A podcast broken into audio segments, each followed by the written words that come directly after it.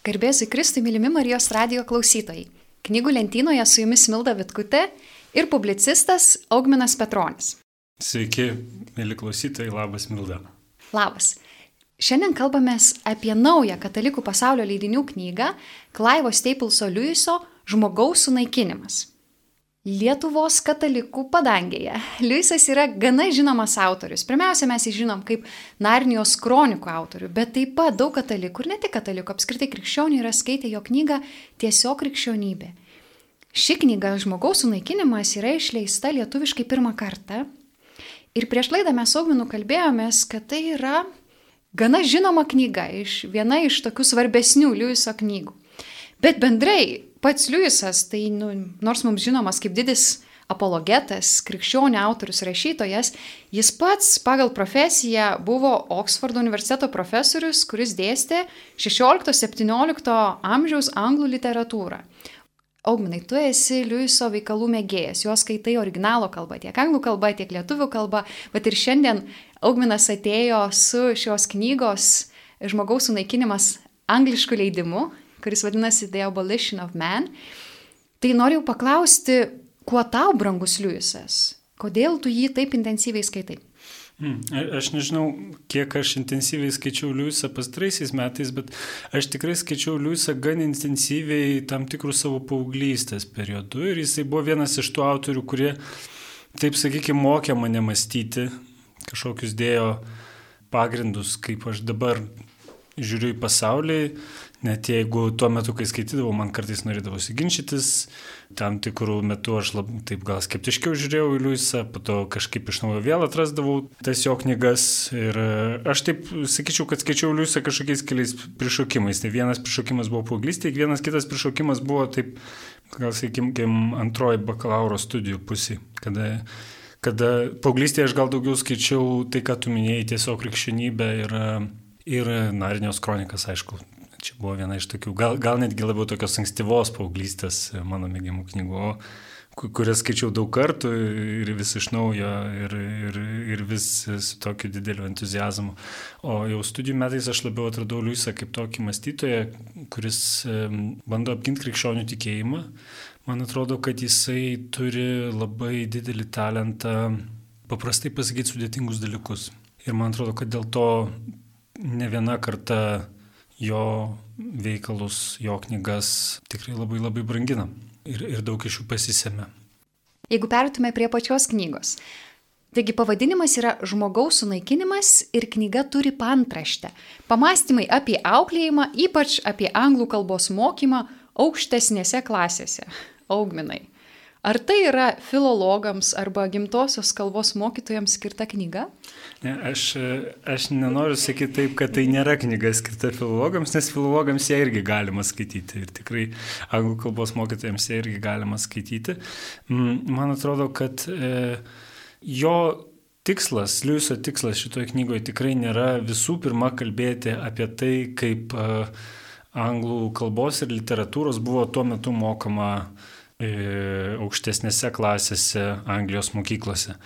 Jisai, jisai čia kalba apie daug gilesnius ir daug labiau esminius dalykus.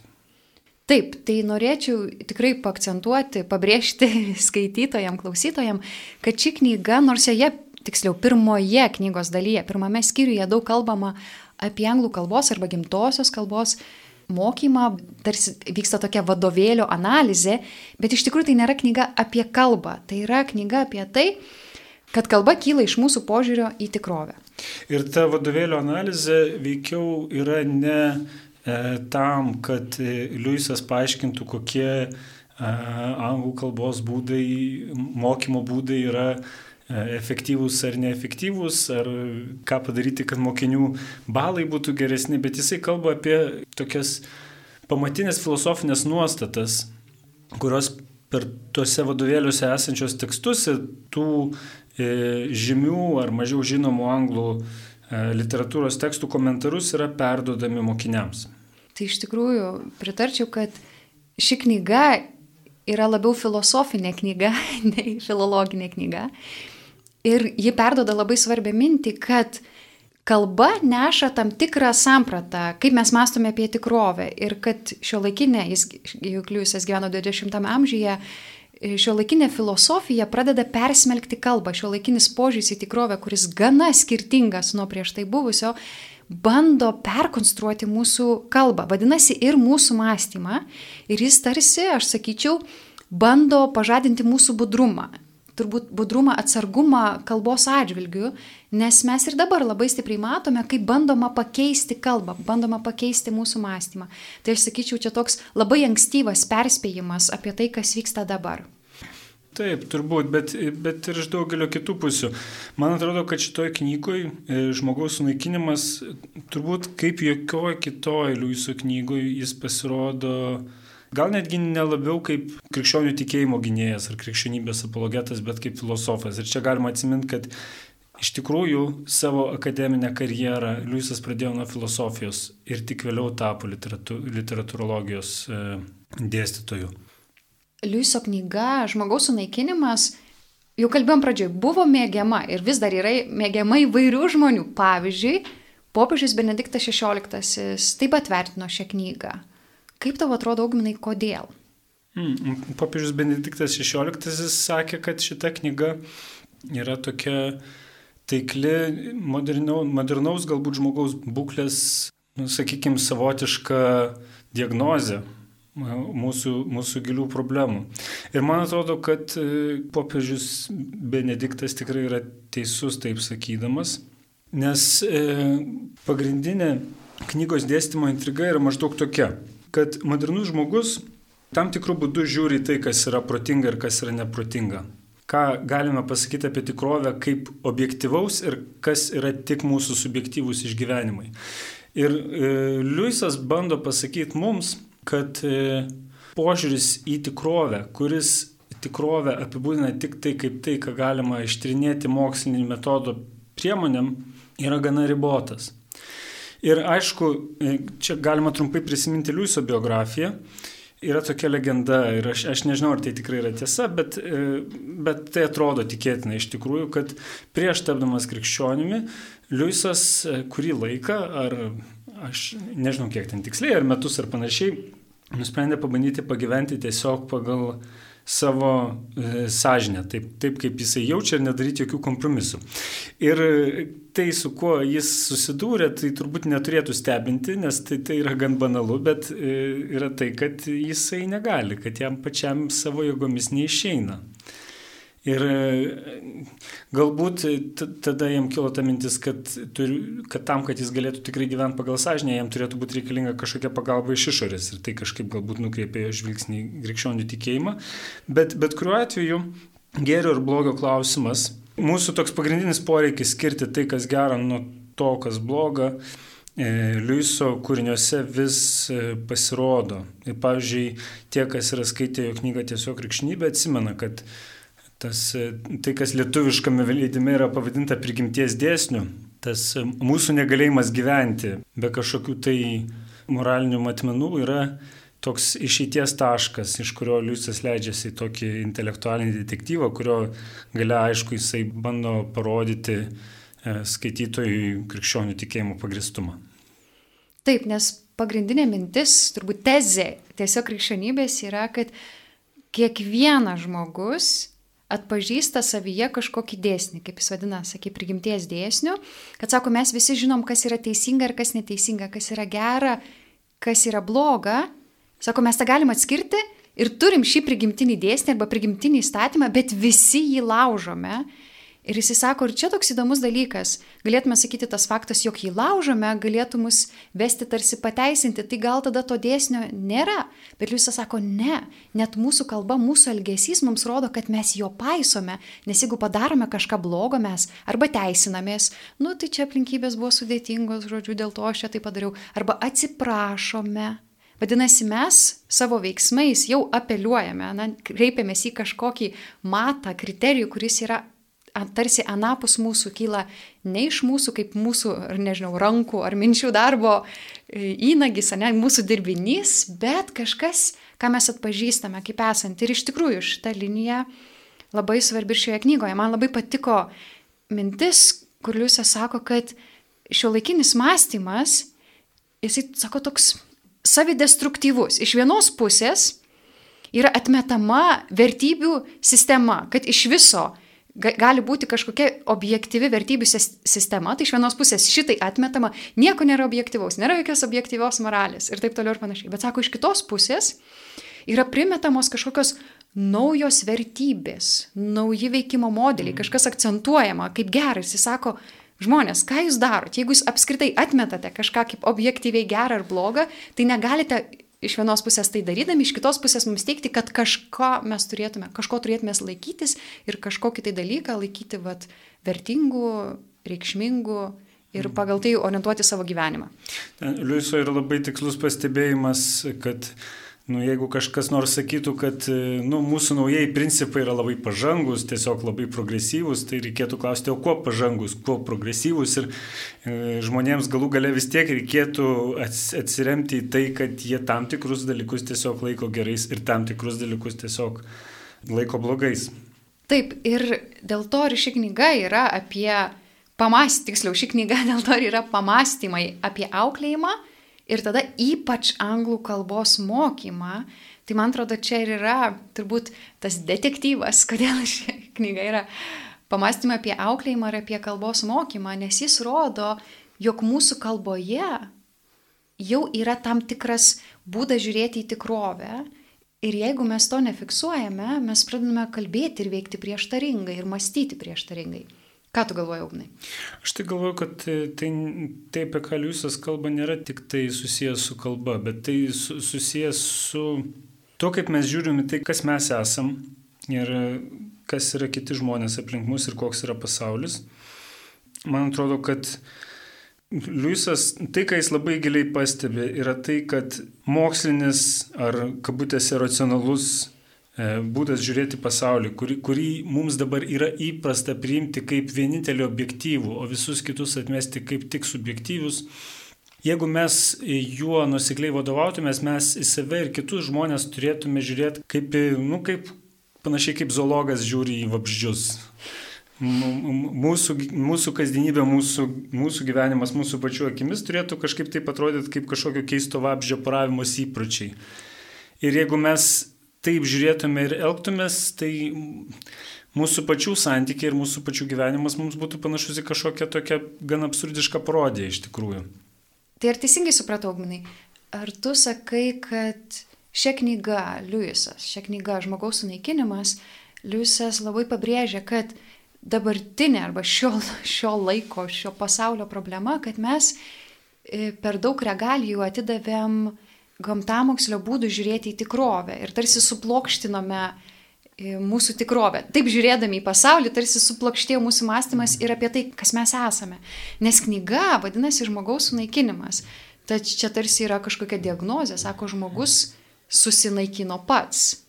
Ir viena iš to priežasčių, kad jis nuplokštino savo paties vaizdą. Ar teisingai supratau? Man atrodo, galima taip pasakyti. E, Liujisas e, priklausė savo laiku tokiam e, rašytojų ir, ir gal galima sakyti filosofų bureliui, kuris vadinosi Inklingai. Ir vienas iš žmonių, kuris dalyvavo tam burelį, beje, paties Liujiso, nu, aš nežinau, ar galima sakyti, kad suburtam, bet Liujisas labai smarkiai prisidėjo prie organizavimo, kad tie susitikimai vyktų ir jie ten susitikdavo naktimis, gerdavo arbatą ir gal ne tik arbatą, kalbėdavosi ir kalbėdavosi labai įvairiom temom ir apie literatūrą, ir apie filosofiją.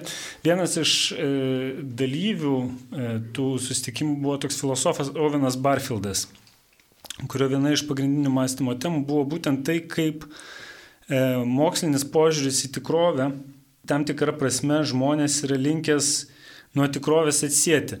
Ir tai skamba labai keistai ir yra gan sudėtinga paaiškinti, ką jis turi omeny. Bet galima bandyti paaiškinti taip. Įsivaizduokim, kad, nežinau, medis auga ant kalno.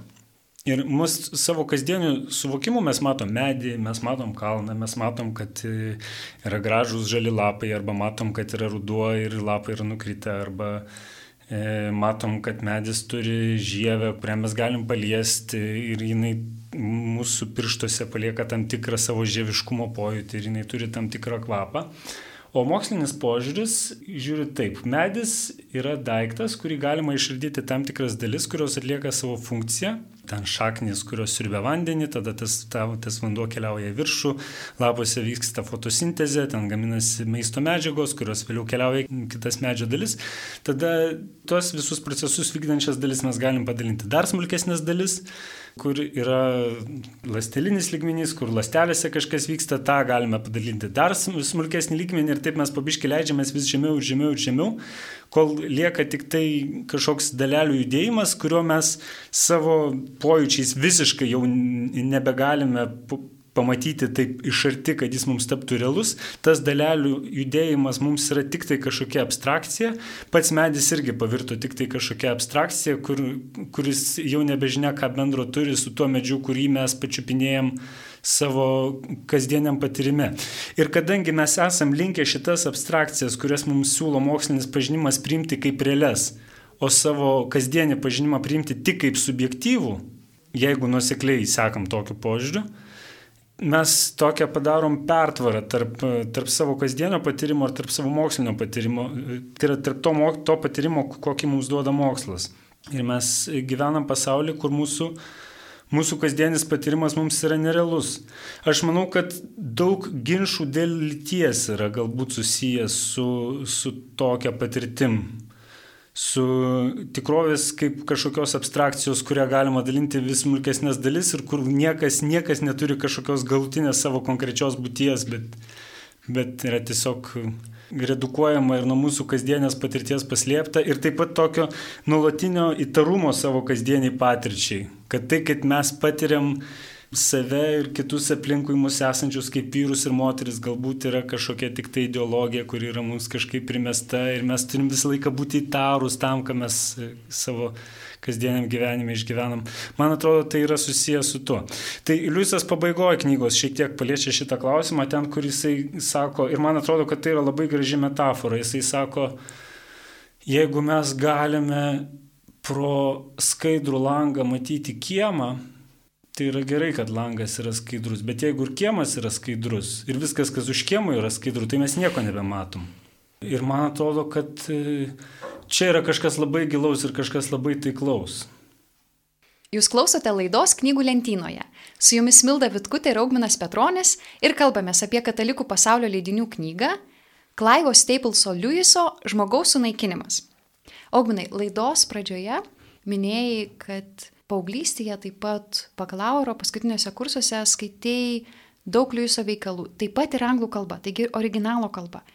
E, mes turime bet, naujos knygos, tiksliau, pirmą kartą išverstą knygą Žmogaus sunaikinimas. Kaip žmogus, kuris skaitęs nemažai Liujiso ir skaitęs originalo kalbą, ką tu galvoji apie patį knygos vertimą? Kokių pastebėjimų turi dėl to, kaip buvo išversta ši knyga? Man atrodo, kad šiaip Vertėjai ir, ir redaktoriai turbūt kartu, nes ta, tai visą laiką yra bendras darbas, bet tikrai galim jiems e, dėkoti už skaidrų, lengvai skaitomą, tikrai pakankamai malonų tekstą. Ir e, man atrodo, svarbiausias Liujiso darbų bruožas, na, vienas galbūt iš svarbiausių Liujiso darbų bruožų yra tai, kad jie, jie yra lengvai maloniai skaitomi. Ne, ne, ne, ne, nereikalauja kažkokių tokių kosminių pastangų, kokių gal reikalauja ten kai kurie tokie specifiniai filosofiniai tekstai. Nu, žodžiu, prie jų nereikia kankintis kaip prie Hegelio ar, ar prie Kanto. Tai šitą tikrai vertimas perdoda. Aišku, į lietuvių kalbą verčiant angliškus tekstus, amžinoji problema yra angliškas žodis nature, kurį lietuviškai galima versti kaip gamta. Kai kuriais atvejais, kai kuriais atvejais mes verčiame kaip prigimtis, E, kai kuriais atvejais mes verčiame kaip tiesiog tai, kas natūralu. Tai aš pabandysiu duoti tris pavyzdžius. Tai vienas pavyzdys yra angliškai gamtos mokslai yra natural sciences, tas pats žodis nature, natural yra tenais. Koks yra ir pavyzdžiui natural law. Ir lietuviškai mes sakom prigimtinė teisė, nesakom gamtinė teisė ar gamtos teisė. Ir taip pat tiek anglai kartais sako act natural, Tai reiškia, mes lietuškai sakom elgtis natūraliai, mes nesakom elgtis pagal prigimtį ar elgtis gamtiškai tada. Tai kaip pasakyti, visą laiką kyla, verčiant angliškus tekstus, kur, kur šita terminologija yra minima, vis, visą laiką kyla klausimas, kaip, kaip reikia suktis. Man atrodo, kad vertėjai sukosi su tuo taip, kaip išėjo ir Aišku, visą laiką gal galima kabinėtis, bet, bet e, kažkaip jie išsisuko. Vienas sprendimas, kuris mane nustebino, tai yra tai, kaip buvo išverstas pirmos skyrius pavadinimas. Angliškoje knygoje pirmas skyrius vadinasi Men Without Chests. Tai reiškia, pažodžiui, vyrai be krūtinių arba žmonės be krūtinių. E, lietuviškai yra išversta žmonės be širdies. Dabar koks yra skirtumas? Žmonės be krūtinių galima sakyti, yra žmonės be valios. Ir Liusas bando paaiškinti, kad tam, kad galėtume elgtis ir jausti taip, kaip mums atrodo teisingai, tai nėra paprasta. Realybė yra tokia, kad e, žmonės dažnai išgyvena jausmus, kurie yra prieštaringi. Žmonės e, dažnai pyksta ant savo tėvų arba jaučia, kad nejaučia tiek meilę savo vaikams, kiek norėtų, ar ne, nejaučia tiek meilę savo sutuktiniui, kiek norėtų. E, žmonės dažnai susiduria su to, kad jie norėtų elgtis geriau, bet jiems neišeina elgtis geriau. E, vienas dalykas, aišku, yra tai, kad e, visuose tuose dramatiškose išgyvenimuose visa jų drama būtų kvaila ir beprasme ir netgi komiška, jeigu iš vis nebūtų jokio gėrio ir blogio standarto, pagal kurį galėtume įvertinti, ar, ar, ar, ar, čia, ar čia tikrai, e, tikrai tie jausmai ar elgesys yra, yra vertingas ar ne. Ar pagrysti. Ar, pa, ar pagrystas ar ne, taip. Nu, man atrodo, kad mes kažkaip kasdieniam savo gyvenimą tai nu, tikrai elgiamės taip ir gyvenam taip tarsi būtų. Nu, mums būtų labai keista, jeigu, pavyzdžiui, mirus kieno nors mamai, žmogus tiesiog džiaugtųsi, kad gavo palikimą. Mes sakytume, kad kažkas su jo jausmais yra ne visai tvarkoje. Ir Liusas ką bando pasakyti, kad e, krūtinė yra tokia zona, kur yra kažkur tarp pilvo ir, ir galvos. Ir jinai padeda, stipri krūtinė reiškia, kad ne pilvas valdo galvą, bet galva valdo pilvą. Kad mes e, savo tą kažkokią gyvūnišką dalį, kuri apima ir, ir kažkokius mūsų tokius poreikius, ten, nežinau, ir maisto, ir vandens, bet taip pat ir, ir jausmus, baimės, pykčio, e, galbūt džiaugsmo, išgyvenimus kažkokius, kad protas mums pasako, kada tie jausmai yra pagristi ir kada jie yra nepagristi.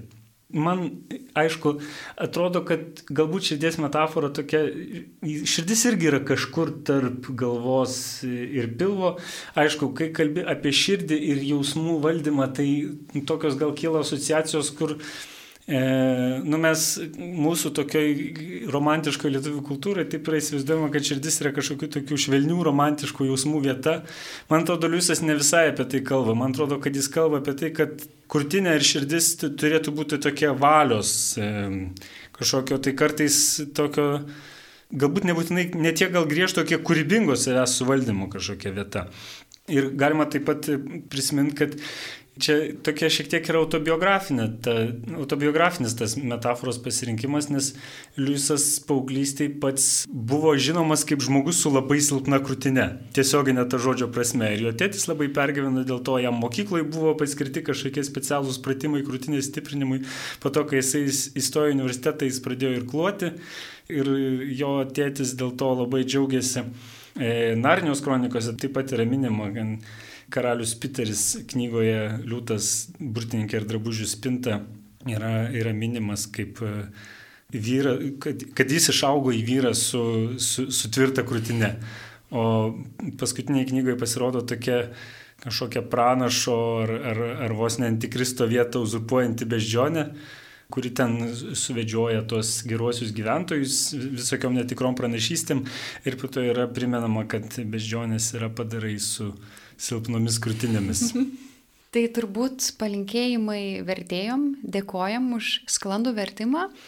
Tai ir turbūt palinkėjimas būtų, kad norėtųsi, kad liktų paties autoriaus parinktų žodžių, kad būtų jie kažkaip nebandyti, nenušlifuojami, ne, krūtiniai širdį, kad mes galėtume tam tikrus motyvus sutikti skirtingose Liuiso knygose, kur jis pats juos ir apjungęs, kaip sakyčiau, čia yra autobiografinis elementas, kuris išaugo į tam tikrą žmogaus sampratą.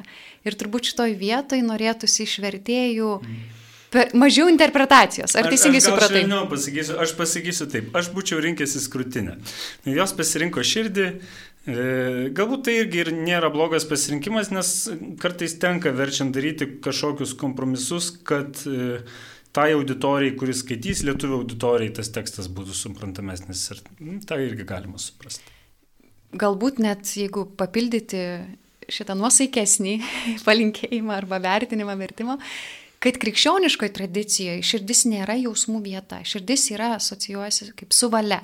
Kaip Augustinas sakė, kad širdis yra vieta, vieta. Na taip, sakykime, vieta, kur žmogus sutinka Dievą. Jis turi kreiptis į save, į savo širdį ir ten prakalba Dievas. Tai yra tokio santykio vieta, o santykis paremtas valia, nes valia tave išveda iš savęs link kažko kito. Tai krikščioniškai tradicijai gal ir sakytume, tas širdies motyvas, nu, nėra toks jausminis. Tai mes vis dėlto galim sutarti, kad tas vertimo pasirinkimas Turi pagrindo. Turi pagrindo, taip. Ne, ne. Gal, gal tikslesnis būtų krūtinė, bet interpretacija turinti pagrindą. Taip, tai laidai einant į pabaigą. Paskutinis klausimas, Augunai, kam rekomenduotum šią knygą? Hmm. Aš e, galvoju, kad sulauksiu šito klausimo iš tikrųjų ir aš galvoju, kad aš ją rekomenduočiau perskaityti visiems. Filosofas Leo Štrausas rekomendavo ją savo studentams ir e, mes jau minėjom, kad e, kardinolas Josefas Ratzingeris, dar kai buvo kardinolas Josefas Ratzingeris, sakė, kad tai yra labai taikli mūsų būklės diagnozė. Šitą knygą mėgsta ir kai kurie visiškai su krikščionybė nieko bendra neturintys tokie autoriai ar, ar viešieji intelektualai kaip e, Francis Fukuyama yra, yra toks e, vienas iš žymesnių vardų. Jonas Grėjus, aš kaip tik ruoždamasis šitai laidai klausiau jo trumpą pranešimą apie šitą knygą. Jonas Grėjus yra ateistas ir toks netgi šiek tiek gal karingas ateistas, kairysis Anglijos toks viešasis intelektualas, filosofas, kuriam labai svarbios yra visokios su aplinkosauga susijusios temos. Jisai šitą knygą yra pavadinęs pranašiškai ir yra pasakęs, kad Liuiso E, šitoje knygoje keliami klausimai yra tokie pat e, aktualūs dabar, kaip ir tuomet, kai knyga buvo parašyta, tai yra antro pasaulinio karo metais, jeigu ne daugiau. Aš taip pat išskirtinai rekomenduočiau šitą knygą visiems, kurie skaitė Joano Navalio Harario darbus. Ir man atrodo, kad Liujisas šitoje knygoje pasirodo kaip savotiškas toks išvirkštinis Harario atspindys.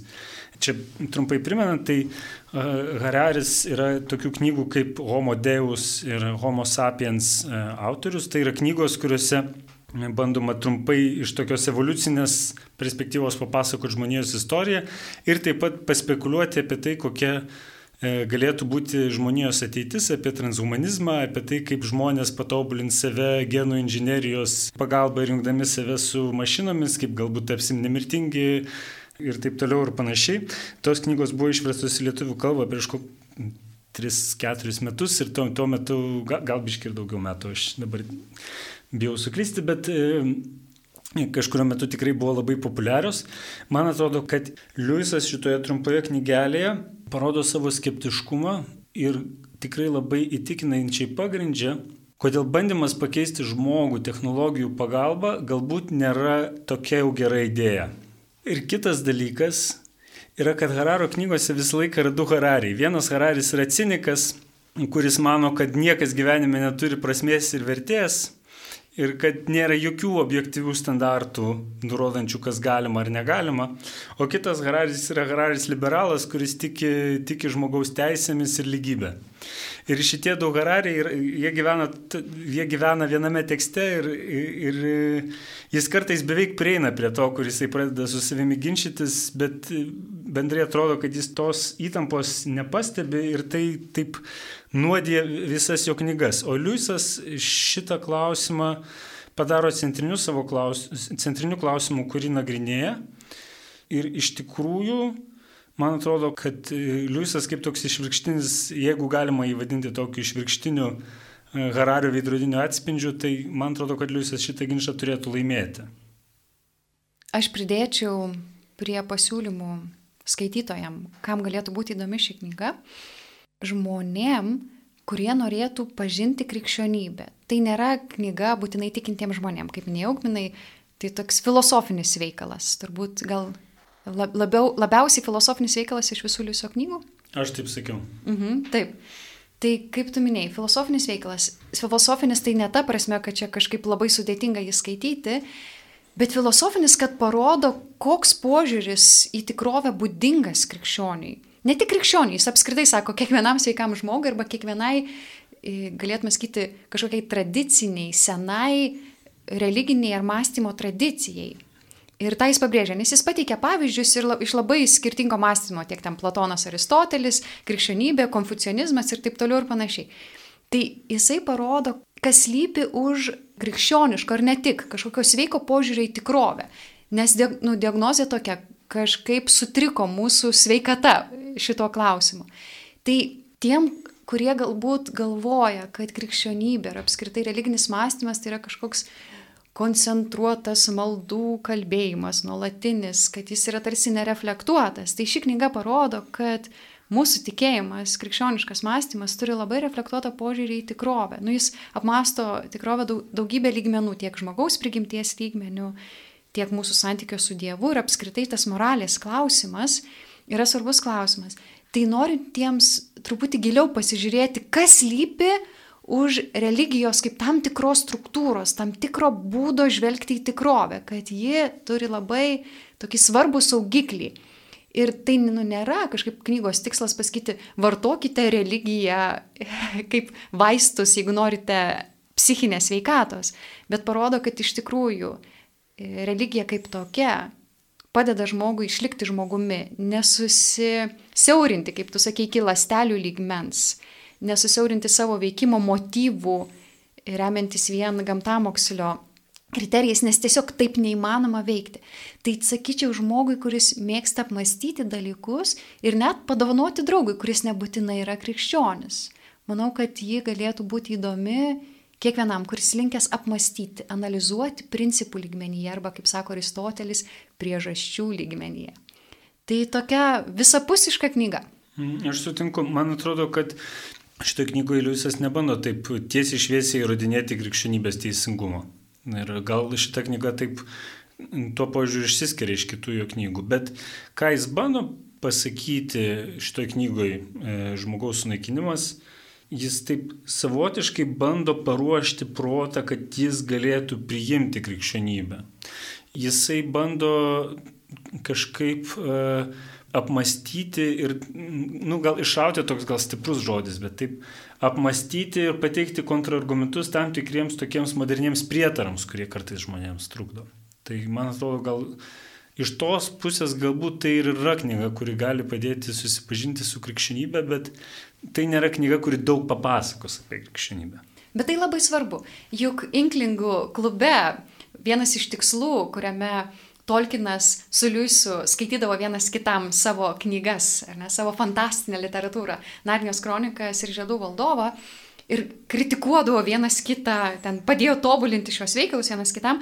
Tai vienas iš tikslų rašyti štai tokį, galėtume sakyti, epą, krikščionišką epą, tiek vieno, tiek kito autorius buvo evangelizuoti žmogaus vaizduotę. Tai galėtume sakyti, kad čia knyga netiesiogiai yra evangelizuojamas žmogaus protas. Jis apvalomas, kaip tu sakai, nuo modernaus mąstymo prietarų, kurie iš tikrųjų užblokuoja mus ir sukuria tokią atstumenčią reakciją religijos atžvilgiu. Jūs klausėte laidos knygų lentynoje?